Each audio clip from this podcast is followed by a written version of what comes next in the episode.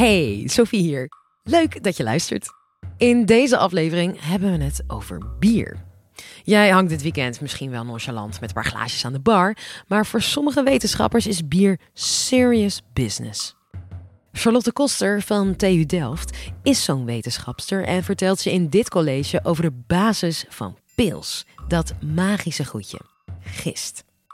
Bier heeft namelijk meer toepassingen dan de avond iets gezelliger maken. Met de nieuwste snufjes en technieken uit de wetenschap kun je gist namelijk omtoveren tot supergist. Door het DNA van gist net iets te manipuleren, hebben we straks misschien wel gist dat het plastic kan opeten en verteren. Of gist dat als nieuw brandstof kan dienen en zo de CO2-uitstoot kan verminderen. Enjoy! Bewerken van DNA klinkt best wel freaky, vind je niet? Je kent vast de superhelden-serie X-Men wel. Ze hebben superkrachten omdat hun DNA is veranderd, oftewel gemodificeerd. Bij de meeste van hen is dat gebeurd bij hun geboorte, maar er is één uitzondering en dat is Wolverine. Wolverine is namelijk een proefpersoon van de wetenschap. Wetenschappers hebben bewust zijn DNA aangepast om hem superkrachten te geven. En dat is niet alleen science fiction. Het afgelopen decennium hebben wetenschappers hard gewerkt aan een methode om DNA te kunnen veranderen. Dat doen we met CRISPR-Cas. Ik ben een industrieel microbioloog en een van de wetenschappers die met deze methode werkt. Met CRISPR-Cas kunnen we de puzzelstukjes van het leven, DNA, aanpassen. Vooralsnog kunnen we dat niet op mensen. Dat is nog hele verre toekomstmuziek, dus helaas, nog geen superpowers voor jullie. Maar wat ik wel kan doen, is jullie favoriete drankje, bier, superkrachten geven. Stel je voor, bier dat plastic op kan eten, Bier dat als brandstof kan dienen. Bier dat niet slecht voor je is, maar juist als medicijn werkt.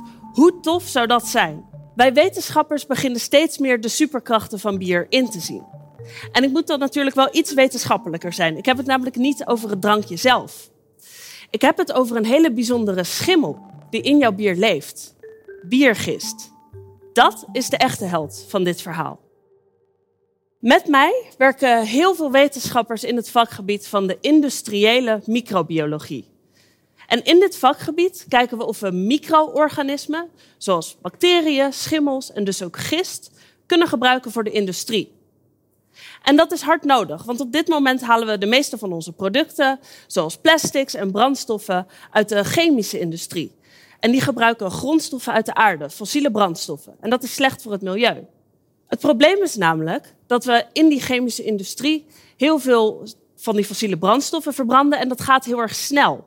En daardoor komt er heel veel CO2 in de lucht. Die CO2 kan in principe weer opgeslagen worden door planten. En als die planten doodgaan, gaan ze terug de aarde in. Ze fossileren en worden nieuwe fossiele brandstoffen. Maar dat is echt een super traag proces. Dat duurt miljoenen jaren en staat totaal niet in verhouding met de snelheid waarmee wij die CO2 de lucht inblazen. Wij rijden nu, bij wijze van spreken, nog op dino's. Kortom, er gaat heel veel CO2 de lucht in, maar er gaat niet genoeg terug de aarde in. En dat zorgt voor een ophoping van CO2 in onze atmosfeer, dat bijdraagt aan de verandering van het klimaat.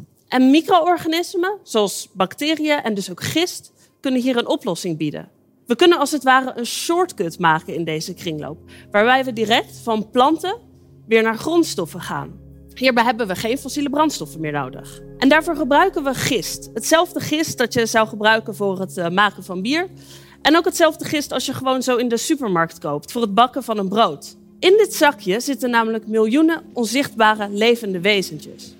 Als je onder de microscoop naar deze beestjes kijkt, zul je zien dat het hele bijzondere beestjes zijn. Het zijn namelijk schimmels van maar één cel groot. En doordat die uh, gisten zo simpel zijn, kunnen we dus ook heel makkelijk begrijpen hoe ze werken. En ze dus ook heel makkelijk aanpassen om er toffe dingen mee te doen. Verder zijn die gisten ook heel robuust. Je krijgt ze niet snel stuk en ze verdubbelen zich heel erg snel. Iedere twee uur. Je kan dus binnen no time een heel leger van gistcellen groeien. Om even een voorbeeldje te geven, zou iemand in het publiek dit biertje wel lusten? Ja? Nou. Als ik dit biertje inschenk, zul je zien dat het een beetje troebel is. Dat komt omdat nu in dit biertje enkele miljoenen gistcellen zweven. Dat is alsof de hele bevolking van Europa zich nu in dit glas bevindt. Nou, proost? Verder lijkt die gist ook best wel een beetje op de mens. Hij heeft kleine orgaantjes die helpen bij de stofwisseling en bij de energiehuishouding van de cel. En hij heeft een kern met daarin DNA.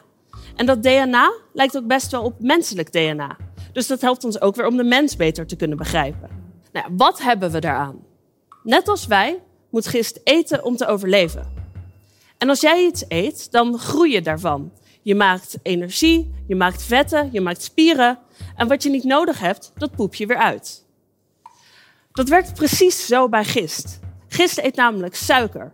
En hij gebruikt die suiker om te groeien en om energie te maken. En wat hij niet nodig heeft, dat poept hij weer uit. En in het geval van gist is dat een beetje CO2 en vooral heel veel alcohol. Ik heb hier een erlenmeyer met water. En daar zal ik wat van die gistjes uit zo'n zakje ingooien. Deze gistjes uh, worden nu een beetje wakker, omdat ze in een beetje warm water zitten. En zoals ik net vertelde, eten die gistjes graag suiker. Dus we gaan hier een hele hoop suiker bij gooien. Ze hebben lang in dat zakje gezeten, dus ze zullen best wel honger hebben. En die gist gaat nu, as we speak, die suiker opeten. En daar moet hij dus ook weer een beetje van poepen. Hij maakt CO2 en alcohol. Die alcohol kan ik jullie niet laten zien, alleen laten proeven.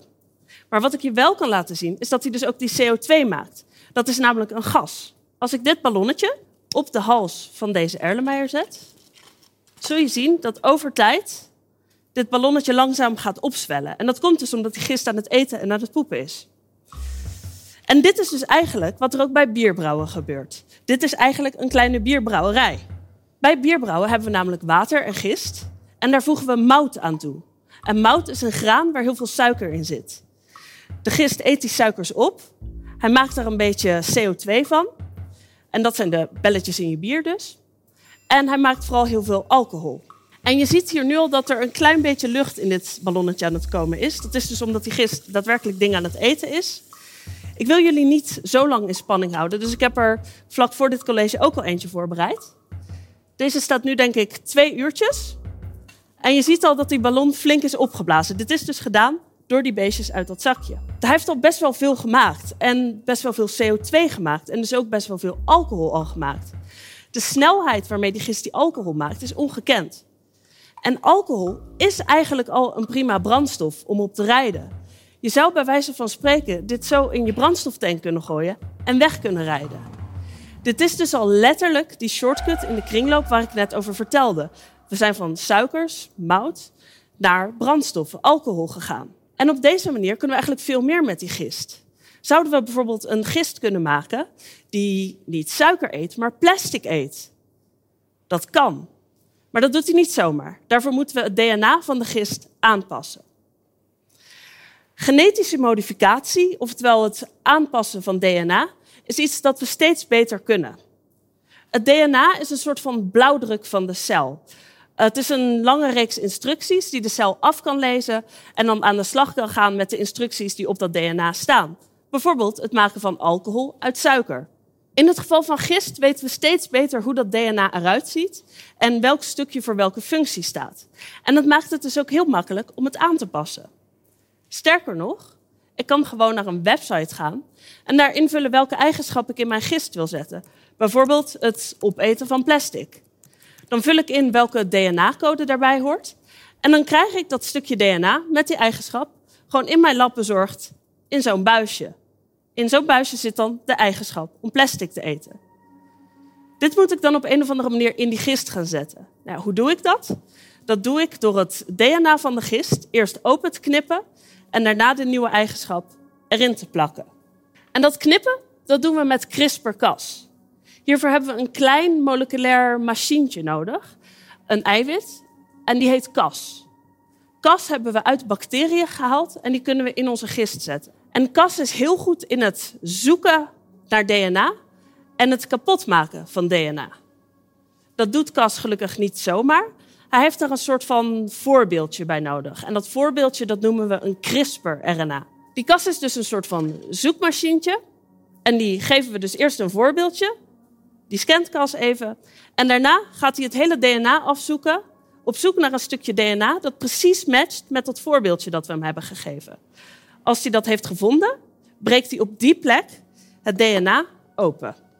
Nu is de taak van Cas klaar en is het aan ons als wetenschappers om het DNA weer te repareren. En dat doen we met behulp van dat stukje DNA dat we net hebben besteld. Op dit DNA zit niet alleen de nieuwe eigenschap, maar aan de uiteinden zitten een soort van twee plakrandjes. En die twee plakrandjes plakken heel specifiek op de uiteinden, op de uiteinden van de breuk die we net in het DNA hebben gemaakt. Wij brengen dit stukje dus in de cel, dus in dit buisje zit eigenlijk een nieuw stukje DNA. En dat stukje DNA plakt dan in de breuk, plakt zich vast met de twee plakrandjes. En op die manier hebben we een nieuwe eigenschap in het DNA gebracht. En op deze manier kunnen we eigenlijk alles wat er in de natuur bestaat met elkaar gaan mixen. We kunnen bijvoorbeeld een stukje DNA uit spinnen halen en dat in mensen zetten. En het resultaat zou dan Spider-Man zijn. Nou, dat kunnen we dus nog niet. Maar we kunnen al een hele hoop wel. Neem bijvoorbeeld een lichtgevende kwal. We kunnen uit deze kwal een stukje DNA halen dat zorgt voor de eigenschap om licht te geven. Als we dat stukje DNA dan in gist zetten, is het resultaat een lichtgevende gist. En dit kunnen we niet alleen met gist. Dit kunnen we eigenlijk met alle dieren. We kunnen dit ook met katten, met kippen, met muizen, noem maar op. Waarom zouden we dat willen doen? Nou, door dat DNA te mixen en door eigenschappen van verschillende dieren in andere dieren te zetten, kunnen we een hele hoop problemen oplossen. Neem bijvoorbeeld weer gist als uitgangspunt. Ik heb jullie net verteld dat die gist heel graag suiker eet. En daar maakt hij dan brandstoffen van. En die suikers komen doorgaans uit granen en uit vruchten. Maar dat zijn dingen die wij ook eten. Is het wel verantwoord om die gist uh, brandstof te laten maken uit ons voedsel, terwijl er ook mensen op de wereld honger hebben? Dat is een probleem dat we kunnen oplossen door goed naar andere dieren te kijken. Misschien kunnen we namelijk een gist maken die niet suikers eet, maar juist bladeren en stammetjes, afval van de planten die we toch niet eten en weggooien. Dan heb je een gist die brandstoffen kan maken uit afval. Nou, gist kan dat van nature niet, maar daarvoor kunnen we dus in de natuur kijken naar een dier dat dat misschien wel kan. En die hebben we gevonden in de olifant. Olifanten eten namelijk bladeren en schors. En olifanten kunnen dat zelf niet verteren, maar in hun darmen woont een schimmel die dat wel kan. En wetenschappers hebben die schimmel uit de poep van olifanten weten te vissen. En hebben een klein stukje DNA uit die schimmel gehaald en in gist gezet. En het resultaat was een gist die bladeren en stammetjes kon eten. Die dus brandstoffen uit afval kon maken. En er is in Amerika zelfs al een pilot geweest op industriële schaal. Om te kijken of we dit echt kunnen gaan toepassen. En op deze manier kunnen we eigenlijk helemaal gaan controleren wat die gist eet en wat hij weer uitpoept. En dat gebruiken we eigenlijk al volop. Ik wil jullie uh, graag wat toepassingen hiervan ook laten zien. Een van de voorbeelden van gist in onze maatschappij is bijvoorbeeld het maken van insuline. Vroeger werd insuline altijd uit koeien en uit varkens gehaald. Tegenwoordig kunnen we ook insuline maken met behulp van een gist. Bij die gist is het DNA zo aangepast dat hij geen alcohol uitpoept, maar insuline. En al meer dan de helft van de diabetespatiënten spuit nu met insuline, die gemaakt is door zo'n gist. Verder vind je het ook heel veel terug in je voeding. En niet alleen bij het maken van brood of bier. Heel veel van de eiwitten die nodig zijn bij het maken van vegetarische kaas, vegaburgers of lactosevrije melk worden gemaakt met zo'n aangepaste gist. Maar je smeert het ook op je gezicht. De meeste dagcremes bevatten namelijk een stofje, squaleen, en dat moesten we vroeger uit haaien halen. Het komt heel veel voor uit haaienlevers. Dus er werden haaien gevist om dagcrème te maken. Dat hoeft gelukkig niet meer, want we kunnen squaleen op industriële schaal produceren met een genetisch gemodificeerde gist. En dit zijn al een hele hoop toffe toepassingen. En dat laat alleen maar ruimte over om te speculeren wat we in de toekomst allemaal kunnen. En we gaan waarschijnlijk ook best een hoop kunnen. Er zijn al een aantal bedrijven die bezig zijn met het maken van cannabinoïden de werkzame stoffen in cannabis, in gist. En we proberen ook het babymelkprobleem op te lossen door het door gist uit te laten scheiden. Op het gebied van klimaat kijken we naar gisten die plastic kunnen eten of misschien biologisch afbreekbaar plastic kunnen maken. We werken zelfs aan een gist die rechtstreeks CO2 uit de lucht kan eten, om die kringloop nog veel kleiner te krijgen. Kortom, ik hoop dat je nu met hele andere ogen naar dat biertje kijkt. In dit biertje zweven namelijk miljoenen superheldjes, die met een beetje hulp van wetenschappers in de toekomst voor je brandstof, voor je medicijnen en voor je voedsel kunnen gaan zorgen. Op een manier die beter is voor het klimaat. Dankjewel Charlotte voor deze rondleiding in de wereld van gist. Vond je dit nou een leuke aflevering? Nou, dan heb je geluk, want we hebben er nog honderden meer. Check onze playlist en als je er toch bent, abonneer dan even. Thanks voor het luisteren.